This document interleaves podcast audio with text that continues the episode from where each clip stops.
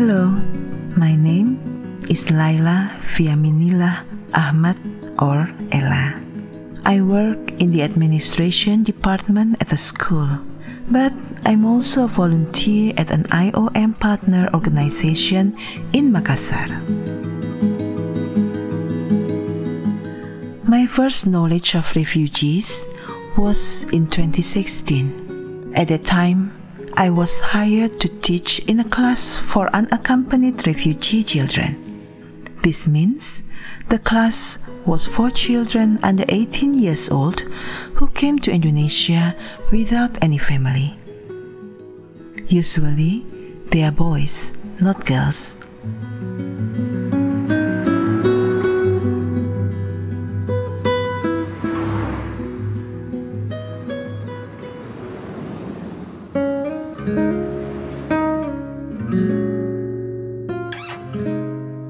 As a teacher, I came to the shelter almost every day.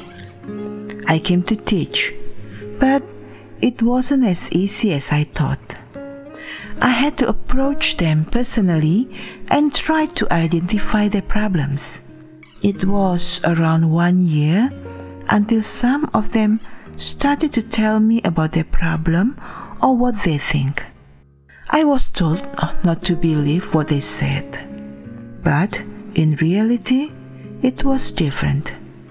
Some students were very kind, some others needed more attention. I think they just wanted to be treated like others, not like someone who needed to be helped. My impression about them had changed bit by bit. Well, even though I didn't always believe what they said, but the more I get to know them, the more I can see a side that not many people know.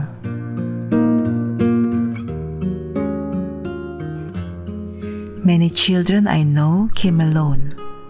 They were paired with a social worker or foster parent during their stay here.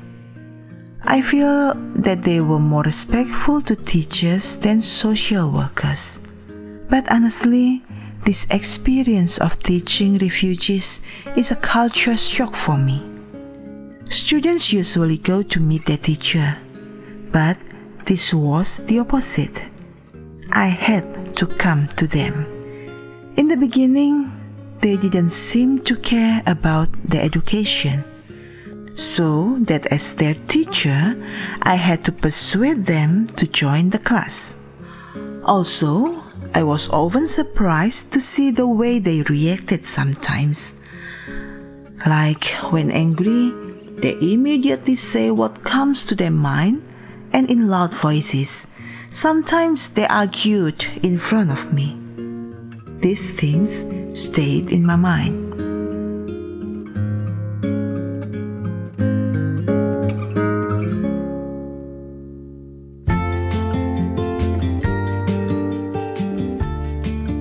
Now, I think many improvements happen in how they manage refugees.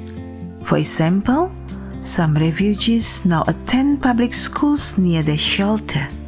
Of course, many still complain because not all Indonesian can speak English, they can't speak Bahasa Indonesia, the quality of our schools are different, or about others.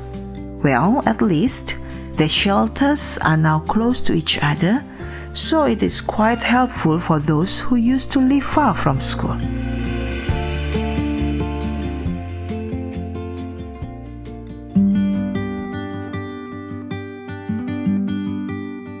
Some refugees told me that their Indonesian friends thought their life here was good because they received support. So, when they talked about the problem, the Indonesian friends thought they were not grateful. And then, some people think about why government accepts refugees and supports them. There are still many poor people in Indonesia.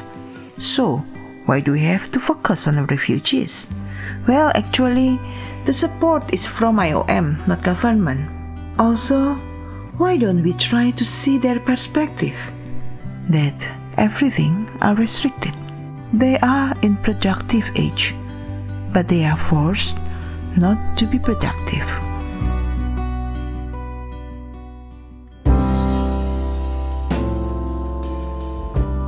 I hope there will be more collaboration between refugees and locals. For example, it would be nice if refugees can learn Bahasa Indonesia from local teachers. We can get to know each other. Refugees thinking that they only stay in Indonesia for one, two, or three years starts to shift because in reality, no one knows how long they will live here. By getting to know each other culture, we can also minimize problems. I also hope our government can make people more aware, especially people who live around refugee shelter. Of course, refugees also need more information about existing regulations in Indonesia. Because sometimes when there is a problem between local people, they are confused, not only because of language barrier, but also because the reporting process is not so clear sometimes, especially because our laws tend to side with local people. My point is, we need more transparency and clarity of information for both sides.